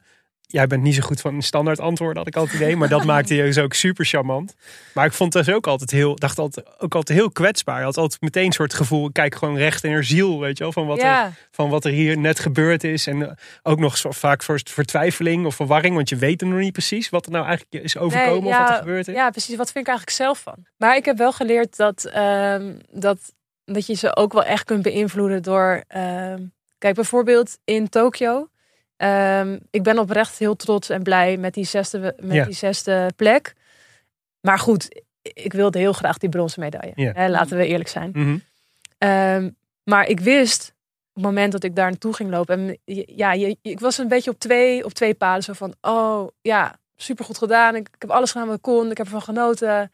Ja. Ja, ja strik erom, weet je wel. Mhm. Dit is, ik, I'll take it meer. ja. En aan de andere kant van, ja, fok, twee tienden van brons is niet veel, weet je Nee. wel. En als alles mee zit, ja, dan en je nog een beetje gewoon. geluk. Ja. eh, dus, maar als ik voor de camera had gestaan en had gezegd van, oh ja, ik had bijna, of ik zat heel dicht bij het brons, maar ja, Ja.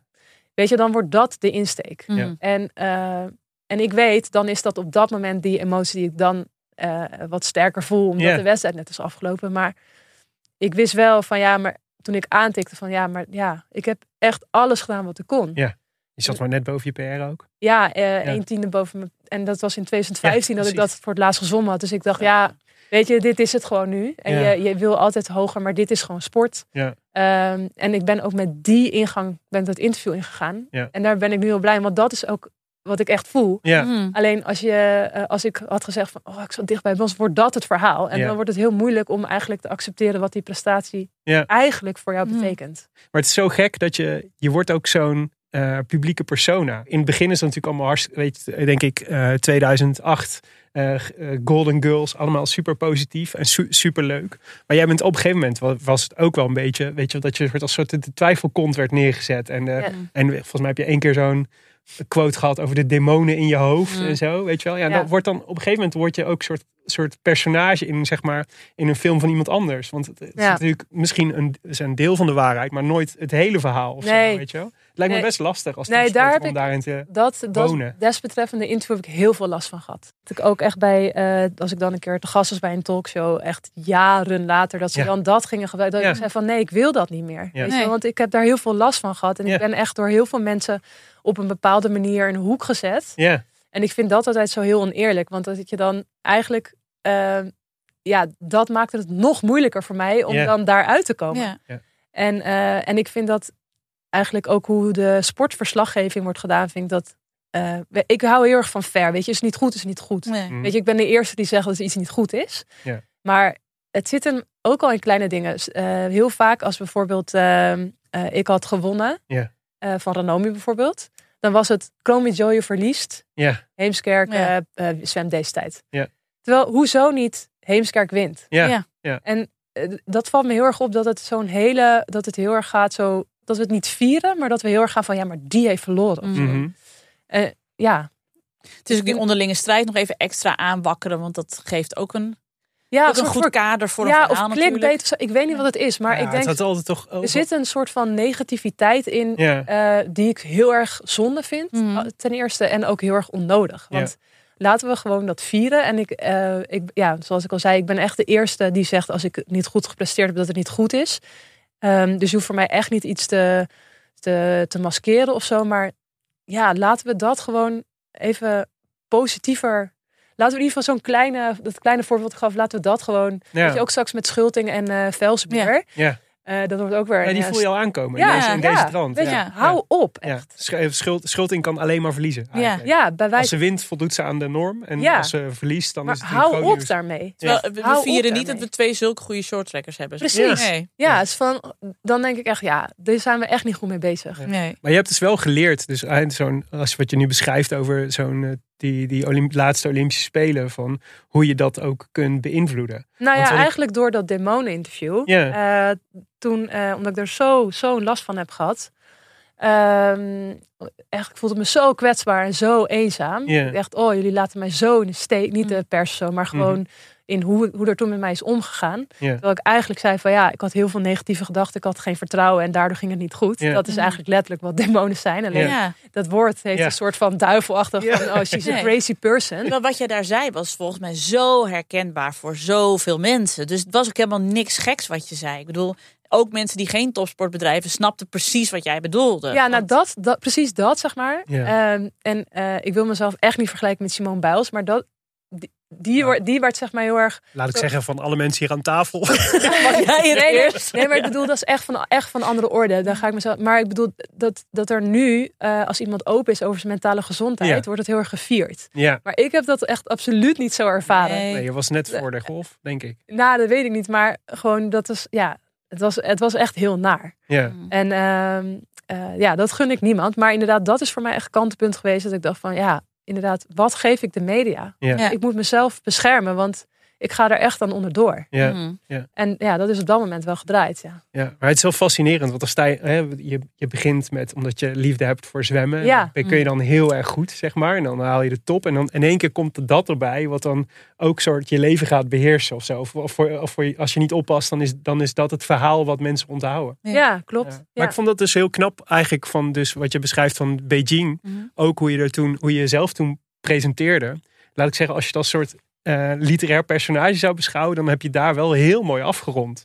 Met zo van, hè, van met, ook al met de, met de opmaat van ik wil, eh, wat je zei van ik wil daar gewoon mijn beste race, eh, beste race zwemmen en ik wil daar met trots in de finale staan en genieten van het moment, zeg maar dat soort Ja. dingen.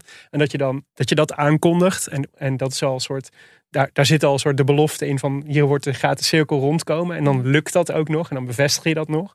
Terwijl volgens mij iedereen die, die dat interview na afloop, inderdaad na, die, eh, na jouw eh 100 meter race daar heeft gezien, denkt ze is er. Het is Ja. klaar, weet je wel. We hebben, met hem, we hebben ook met hem meegeleefd Ja. en we zijn, we zijn allemaal blij dat ze hier is gekomen. Dus ook, het is ook spelen met dat narratief weer dan. Ja, maar ik denk, het was eh, inderdaad eh, spelen, maar ook wel oprecht eh, dat mijn doel voor Tokio was. Mijn enige doel is dat ik me vrij voel achter het blok. Ja, En dat klinkt misschien een beetje van, nou ja, wat ben jij nou weer voor topsporter? Ja, je wilt toch knaken, je wilt toch goud, weet je wel. Maar ik wist gewoon, dat gaat mij niet helpen. mhm, En ik wist gewoon, als ik mij vrij voel achter blok, gewoon los van mijn eigen verlangens en, en druk, ja, los van verlangens van andere mensen en druk, ehm, dan ben ik een hele gevaarlijke. Mhm. Eh, dan, dan, dan ja, ben ik vrij en ben ik snel. mhm, Ehm, maar dat is het aller, aller, aller moeilijkste wat er is. Ja. Om je helemaal gewoon los van Ja. welke gedachte dan ook ja. te presenteren. Gewoon Ja. van hier sta ik. En hoe is je dat dan toch gelukt? Ehm, ja, daar heb ik lang over gedaan. Ik heb eh, ja, gewoon daar heel hard, hard aan werken. Eh, echt echt je, je zwakke plekken in de eh, blootleggen Mhm. en aankijken. En wat kan ik daaraan doen? mhm, Ehm, ik heb in aanloop van, omdat we natuurlijk nog een jaar extra hadden door de coronapandemie, ehm, heb ik ook heel veel ehm podcasts geluisterd van andere zwemmers. Of waarin er met zwemmers wordt gesproken. En ik heb heel erg gekeken, oké, allemaal dingetjes gepakt. Wat kan mij nog helpen in dit laatste, in, de- Mhm. in mijn, la- ja, mijn laatste Olympische cyclus? Noem eens iets wat, je, Eh, wat je geholpen heeft. Nou, ik vond het bijvoorbeeld als mijn trainer Marcel Woude bijvoorbeeld vroeg van... oké, we gaan eh 10 keer 100 eh, meter, starten elke 1 minuut 30. Je doeltijd is 1.10. Mhm, Wilde ik minimaal 1.9. mhm, Mhm. Eh, zeg maar ik vond het gewoon, ik wilde toch het net iets beter dan wat hij vroeg. Ja. Maar dan ga je eigenlijk voorbij aan wat de trainer vraagt en wat voor systeem, wel ja, welk deel van je systeem je gaat trainen. Ja. Dus toen dacht ik van, hoe kan ik mezelf helpen door toch in dat systeem te blijven en niet echt te balen als ik dan 1.11 zwem bijvoorbeeld. ja. Eh, en dus toen ben ik met een, eh, heb ik gevraagd of ik met een hartslagmeter kan trainen. En dat dan, hij zei van ja, je mag niet hoger dan eh, een bepaalde hartslag. En dan vond ik het makkelijker om Ah, ja. in die zone te blijven. Want Oh, dan ja. wist ik, dit hoort bij de, bij de, bij dit, dit, ja, dit is het systeem wat ik nu wil trainen. Ja. En ja, dat soort kleine dingetjes. Want ik, ja, ik kon niet nog meer, niet technisch nog beter worden opeens. Of Nee. nog een grotere inhoud. Of ja, Ja, weet je, ik was al Ja. ja, een soort van Ja. af, maar ik- Ja. je wilde het optimaliseren. Ja. Dus Mhm. dat is een van de dingetjes wat mij heel erg... eh, en eh, veel mediteren heb ik gedaan. mhm, Ehm, en gewoon heel erg, eh, ja, ehm, ja, de beleving van hoe je zo'n wedstrijd in wil gaan. Wat zou jij zeggen wat de eh, Olympische Spelen nou zo anders maakt dan al die andere toernooien?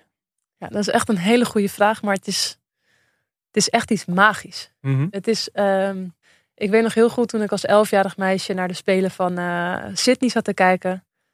Inge en Pieter. Inge en Mhm. Pieter. Helemaal vuur en vlam gezet was ik. Echt. Ik zat ernaar te kijken en ik dacht, wat is dit voor iets waanzinnig moois. Ja, Eh, en toen ik in 2008 er zelf was, ehm, het is het, is het, het grootschalige eraan, maar ook al zo'n Olympisch dorp, dat je daar loopt en alleen maar mensen ziet in een trainingspak. ja, ja. Het is echt een soort wandelende vlaggen. Ja. Eh, mensen eh, die allemaal eh, met hetzelfde bezig zijn. Ja. Ehm, dus die energie hangt er dan ook. Mhm. Eh, er zijn mensen in alle soorten en maten. ja. Je hebt basketballers van 2 meter zoveel en turnsters van 1 meter 50 of zo. Nog Het kleiner. is echt een soort rariteitenkabinet. Ja, het, Ja. Is, het is heel raar. Zeg Het maar. zijn allemaal, allemaal freaks natuurlijk eigenlijk. Eigenlijk, ja, eigenlijk wel. Dus ik- ja, ik, en ehm, het is, eh, ja, ik denk ook wel dat je, je bent deel van de sporthistorie of zo. Ja. En dat, dat, wa- was, dat had ik me niet echt gerealiseerd toen ik eh, zelf meedeed, maar wel de tweede week toen ik nog, eh, toen we nog wel mochten blijven. Ja. Ja. Eh, Toen er nog geen losersvlucht Precies. bestond. Ja. en ik eh, in Peking eh, al die races van Usain Bolt ook zag. Dat ik echt dacht van wauw, maar ik heb dit gewoon gezien. ja.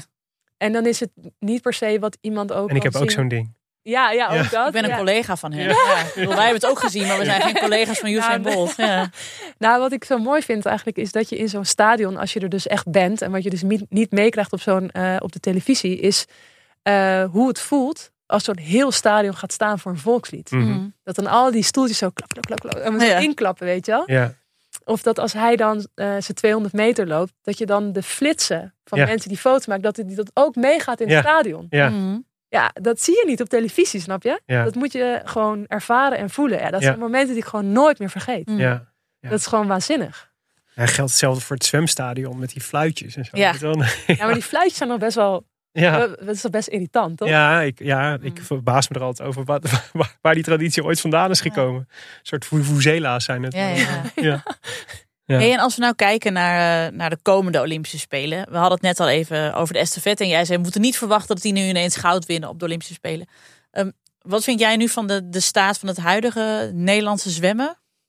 Nou, ik denk dat het best wel heel erg goed gaat. Eh, ik bedoel, Marit is echt heel goed bezig. Ik denk echt wel dat eh, als zij nog een beetje kan doorontwikkelen, een Mhm. beetje geluk, Ja.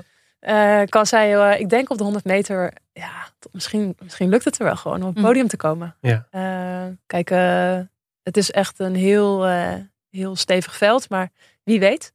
Eh, en ik vind het heel leuk dat natuurlijk eh, Casper Corbeau is echt bezig aan een, eh, Ja. een heel goed jaar. Eh, natuurlijk altijd Arno Kamminga die al weet hoe het is om, eh, om Twee keer zilver. Twee keer zilver te winnen. ja. Mhm. En ook eh, Tess Schouten, die heel erg goed gaat. Mhm. Dus, eh, en dan heb je natuurlijk eh, Kira, die weer een beetje terugkomt. En dan hoop je natuurlijk dat er altijd nog eh, een verrassing is. Ja, Dus altijd een verrassing. Dus. nou, het, het stemt ons positief. En eh, natuurlijk de 400 mixed wissel. Ja, Dat, eh, die hebben ook wel kans. Want eh, als die alle vier sterk zijn, dan kunnen ze echt meedoen. ja, want dat zijn dan Maart Eh, Steenbergen, Arno Kamminga, Ja, eh, Niels Korstanje. Oh, Oh ja. die vergat ik Ja. Vlinder, Vlinderslag. Ja, Niels. En dan heb je Maaike de Waard of Kira Toussaint op de rug. Oh ja.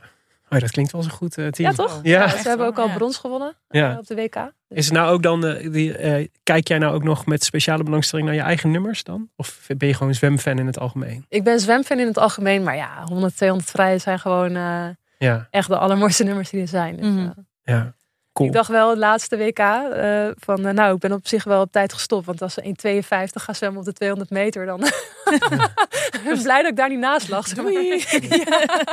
Zie je jongens, ja. Ik, eh, ik zwem zelf al in het bad in Amsterdam, eh, mijn banen. Ja, ja, ja. Zonder klok, ja. Ja, precies. Hey, en wat zijn, eh, als je, want jij bent wel, je zei net, eh, Inge en Pieter waren mijn, eh, dat was eigenlijk het moment dat ik mijn eigen Olympische awakening, zeg maar. Ja, ja, ja. En Usain Bolt in het stadion, ik kan me heel goed voorstellen hoe fantastisch dat is. Maar ben jij dan ook, ga je dan ook nu drie weken sport kijken in Parijs? Of, of heb je, hoe werkt dat eigenlijk? Want je bent Olympisch kampioen. Word je dan nog uitgenodigd om, Nee, ja. om langs te komen? Of om te, heb je Nee, absoluut. speciale, een eeuwigdurend eh, toegang tot, tot, Nee. tot alles wat spelen is? Nee, ik hoop dat iedereen nu ook goed luistert. Dat niemand, die, ook die mensen die meedoen aan de Olympische Spelen, kaarten kan regelen. Oh ja. Echt, het woord kaarten, echt, daar heb ik zo'n allergie voor. Want wij kunnen helemaal niks. Mhm. Nee. Echt helemaal niks. Dat gaat echt, eh, je moet er net bij zitten. Dit was niet waarom ik het vroeg trouwens. Nee, maar- weet ik, maar ik weet dat het echt, het is heel frustrerend, want je wil gewoon dat, dat, eh, dat je mensen kunt helpen, maar je, je, je kan niks doen. Nee. Nee. Dus ook voor de eh, vrienden en familie van Olympische sporters op dit moment, Ja. val ze niet lastig met gedoe over kaarten, want ze kunnen niks voor je doen. Nee. Kira Toussaint gaat ons niet aan kaarten helpen willen. Dat gaat gewoon niet gebeuren. Nee. Nee, ja, ik weet je, ik zou het heel tof vinden als ik voor de NOS iets kan doen. Ik Ja. ben nu af en toe analist. Ja. Eh, ja, Leuke rol. toch? Ja, heel leuk. Ja, Ja. dat is een, eh, dat is echt, eh, nou, van je, een, dat is echt een hobby en dan je werken van Kijk. maken. Ja, Ja. Eh, ik weet niet hoe dat eh, zal lopen, maar dat, is, dat zou ik het allermooiste vinden. Natuurlijk, dat ik daarheen kan en eh, Ja. mooie verhalen kan vertellen over eh Ja. races. En welke andere onderdelen kijk je dan nog meer naar uit? Zeg maar buiten het zwemmen. Wat zijn Eh, sporten die je dan graag zelf volgt? Eh, eh, atletiek vind ik heel leuk. Eh, volleybal, handbal. Wat hebben we nog meer? Eh, waterpolo. Ja. Ze groot hebben. Precies. nou, weet je wat het is? Op de Olympische Spelen vind ik alle sporten leuk. Ja. Weet je, gewicht heffen vind ik ook geweldig om naar te kijken. Ja. Mhm. Ja, dat ik is hou ook ook. heel erg van darten, ook al is het geen, eh, geen eh, Olympische sport. Nee, maar je bent een dochter van een kroegbaas. Klopt? Dus dan, klopt, ja. Dan snap ik wel waar die liefde vandaan komt. ja. Hey, en tenslotte, want je bent dus ook boekverkoper. En je bent voorzitter van de Nico Scheepmakerbeker. Dus de, de prijs voor het beste sportboek van het jaar. Als je nou nog één eh, boekentip voor onze luisteraars hebt. Een, een al dan niet gerelateerde sportboekentip. Ja, dan zou ik het beste jaar wat ik vorig jaar, het beste boek dat ik vorig jaar gelezen heb, heet eh, Geloof in het Wild van Natasha Martin. En dat gaat over een antropologe die het is een waargebeurd verhaal. En zij doet onderzoek in een gebied in Rusland. En ze wordt daar gebeten in haar gezicht door een beer. En ze overleeft dat. Mhm. En dan is haar instinct staat zeg maar echt helemaal aan. Dus er komt op een gegeven moment een traumahelikopter. En die hoort zij veel eerder dan haar, eh, de mensen die om haar heen staan. ze voelt heel goed, deze dokter is goed voor mij, deze dokter niet. En ze zou denken van ja, maar wat heeft dit met sport te maken? Heel erg dat je op je intuïtie eh, moet racen en Ja. vertrouwen. Want jij weet donders goed wat, eh, als je, eh, wat goed voor jou is. Ja. Dan kom ik ook voor lekker de haptonomie die ik erin gooi. Ja. Ja, ja. En dat, daar moet je op, dat moet je durven voelen en op vertrouwen. En dat boek vond ik echt, ehm, ja, vond ik waanzinnig daarover. Dat ik dacht, ja, dat zijn we gewoon, dat doen we niet meer. Nee. Te weinig in ieder geval. Oké, hoe heet het, zei je? Geloof in het wild. Van? Natasha Martin. Ma- ja, Martin schrijf je. Wordt genoteerd. Nienke? Top. Heel goed. Is ook niet zo dik, dus eh, Dankjewel Femke dat je hier wilde zijn. Eh, ik heb veel geleerd. Zo, ja. Ja, precies. nou, graag gedaan. Was gezellig.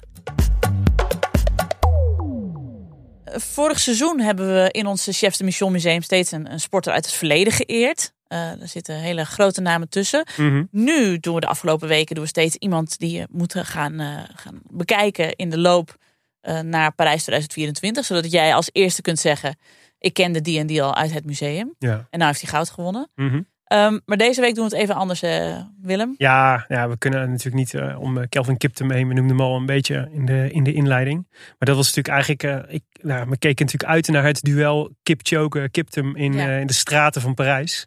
Dat was waanzinnig geweest. Eh, nou ja, los van hoe, hoe verdrietig het is voor, eh, voor eh, zijn geliefde en zijn vrouw en zijn kinderen. Is het voor ons als sportkijkers ook verdrietig. Want Ja. dit is, nou ja, ik, had hier zeer naar uitgekeken. En door zo'n tragische ongeluk, zeg maar, eh, missen we een gaan we een fantastisch sportmoment missen. Maar om nog één keer dan een eerbetoon aan hem te doen, eh, zetten we hem in het museum, stel Ja. ik voor. Voor Kelvin Kiptum en alle mooie races die we nog van hem hadden willen zien. Ja, precies. De luisteraars, die wisten ons ook weer te vinden eh, Nou, deze week. ja. We hadden het vorige week over Trinko Kane en over Dick Jaspers. Je als voorbeelden van sporters die eh, jaren na data nog rent-free in ons hoofd leven. En we vroegen aan onze luisteraars eh, wie dat voor hen dan waren. Nou, daar kwamen, dat, dat maakte een hoop los. ja. Ja, Dickie Palliama. ja de, de badmintonner. Ja. Ja. Bettine Vriesekoop. Vet- Maar die vind ik dan nog best wel goed. Dus die snap ik wel dat hij voor in je hoofd hebt. Dickie Paliaan was ook Ja, dat is niet... De, maar geen ja. goud. zo. Nee, Bettine Vriesekoop is niet rent-free. vind ik. nee, nee, Nee. Je heeft gewoon de rent verdiend. zeg maar. Vanessa Atkinson, zei die naam jou nog iets? Nee, Nee, mij ook niet. nee. Ga ik even eh, googlen. Carlos Helstra. Ja, zeker. Ja. Mark Tuitert. Nou, Vind ik echt te groot. Nee, ik vind Vind Mark ik ook te groot. Olympisch kampioen bovendien. Ja, in, ook niet in het kader daarvan had ik, heb ik dus altijd nog wel de Noorse schaatsers uit de jaren negentig. Mhm. Rent-free in mijn hoofd. En dan niet. Ja, en dan heb ik het niet over Kos, want Kos heeft het gewoon verdiend. Maar Atne Sundraal, Ja. Kjell. Ook Olympisch kampioen, hè? Ja. Sundra. Ja, maar ik hoorde ook altijd nog de, de speaker dan zo. Kjell Storeli, Norge. Ja. Dat eh, hoorde ik er nog steeds. Dat zit er gewoon altijd in. Zeg maar. Ja. Eh, Jeroen Straathof, de schaatser, werd ook nog genoemd. ja. Ja, Ook nog eh, meegedaan aan de Paralympische Spelen, volgens mij. Ja, ik heb ook nog een handtekening van Jeroen Straathof gekregen. En het is een vrij gênant verhaal. Dat we een clinic hadden voor basisschoolkinderen in Friesland op eh Tialf. En dat Rintje Ritsma en Jeroen Straathof er waren. Eh, en die schaatsen heel rustig rondjes. En dan kon je gewoon naast ze gaan schaatsen en een handtekening van ze vragen. Maar ik was een heel slechte schaatser. Heel slecht. Dus op een gegeven moment dacht ik... Ja, fuck it, zo kom ik er nooit bij. Toen ben ik gewoon tegen de stroom in, zo richting Jeroen Straathof gegaan. Lijkt me niet helemaal dan op een schaatsbaan. Nee, toen werd ik van het ijs gehaald. Maar ik heb wel mijn handtekening. Ja. Oh, mooi. Ehm Nienke, waar kun je naar uitkijken de komende week? Waar gaan wij naar kijken? Ja, het WK zwemmen is nog gaande. Eh, net als het WK waterpolo, ook in Doha. Ja, maar daar ga ik niet meer naar kijken hoor. Nee, waterpolo. Nee, we willen gewoon alleen die Nederlanders. Nee, dat is niet waar. Maar ik snap het. Ze zitten nog steeds in het eh, toernooi, hè? De waterpolo'ers. Ja, Ja, maar nog steeds. Kom op, je Ja, moet ze ook de- steunen in de... hey, ik haak weer aan in Parijs. Wauw. gelegenheids... eh, Maar we moeten, weet je hoeveel we moeten kijken? Ja, Wat dat- hierna nog komt. Want er is ook nog de Hockey Pro League in India en de ABN AMRO Open in Rotterdam. Moet, eh, moet keuzes maken. Als we niet voor de, voor de winst gaan. Ja, ik neem de waterpolo voor mijn Dat is rekening. heel goed. dat is goed. Nou, Dat dan kan Willem gaan kijken naar het eh, EK gewichtheffen. Oh ja, in we, had- eh, we hadden het er net over. Ja, Ja, want we hebben namelijk we hebben de, eh, meerdere Nederlandse deelnemers aan het EK. Waaronder, die ik volg al een tijdje op Instagram. Dat is ook echt een volgtip. Niki Leuwik. Zegt die naam jou iets? Oud eh, voormalig turnster die zich heeft omgeschoold tot gewichtheffer. Oh, jawel. Ja. Ja. En ehm, die werd vorig jaar als eh, Europees kampioen onder de 23. Dus dat is, eh, dat is eh, one to watch, zou want to watch. Dit is een andere tijden sport in de making. Ja, maar dat is, dat is heel leuk. Dus ik dacht, want is, dit is ook zo eh, uit mijn comfortzone om Ja. gewichtheffen te kijken. Maar ik dacht, dit is dus het moment om even aan te haken. Zodat je straks kunt zeggen, die Niki Leuwik had ik bij het EK, of bij het EK al gezien. Ja, we zijn nu al de zusjes de Brouwer watchers. Maar ik denk dat wij ook Nicky Leuwik watchers zou zomaar eens kunnen. Ja, dit was hem weer. Chefs de Mission, gepresenteerd door jouw chefs de Mission Willem Dudok en Nienke de Jong. Vandaag met als speciale gast Olympisch kampioen en dansboekverkoper Femke Heemskerk. Ja, bij Atheneum toch? Kunnen we je... Marterium. Ah. Maar dat is onderdeel van Atheneum. Ja, Ja. Grote, grote dank dat je hier was. Hartstikke fijn. Mhm. Ja, deze podcast is een productie van Dag en Nacht Media en Podimo. En de redactie is in handen van Maaike van Leeuwen en Jip van Meel. Eh, dank weer aan de sponsor van deze aflevering, NoordVPN. Ja, laat van je horen. Wil je nou reageren op deze show? Of ons bijvoorbeeld een Olympisch onderwerp tippen dat we echt moeten behandelen voordat de Spelen straks beginnen? Volg ons via Chefs de Mission op Instagram. Net zoals bijvoorbeeld, ratata ratata, zwemster Kira Toussaint. Ja, en heb je weer met plezier geluisterd naar deze aflevering Tip Chefs de Mission? Dan vandaag eens even aan een paar van je medesportliefhebbers. Want dan kun je meteen lekker samen doorpraten over al die lekkere verhalen van ons en Femke Heemskerk. En er zelf ook nog wat herinneringen aan toevoegen. En dat is echt leuk, zeg ik dan maar. Het is de week van carnaval. Ja, kei in. Ja, tuurlijk. Volgende week zijn we er even niet vanwege een korte, maar oh zo verdiende vakantie van Willem. Jazeker. Maar de week erop keren we terug in vol ornaat. En tot die tijd staan er nog zat mooie afleveringen uit ons archief voor je klaar. Want als je dit gesprek nou mooi vond, luister dan bijvoorbeeld ook eens even naar ons gesprek met eh, Bas van der Goor. Een van de lange mannen eh, die Olympisch kampioen volleybal werd in Atlanta 1996. Zeker weten dat je daarna nooit meer hetzelfde naar volleybal kijkt. Met de Olympische groetjes van uw chef de mission. En tot over twee weken.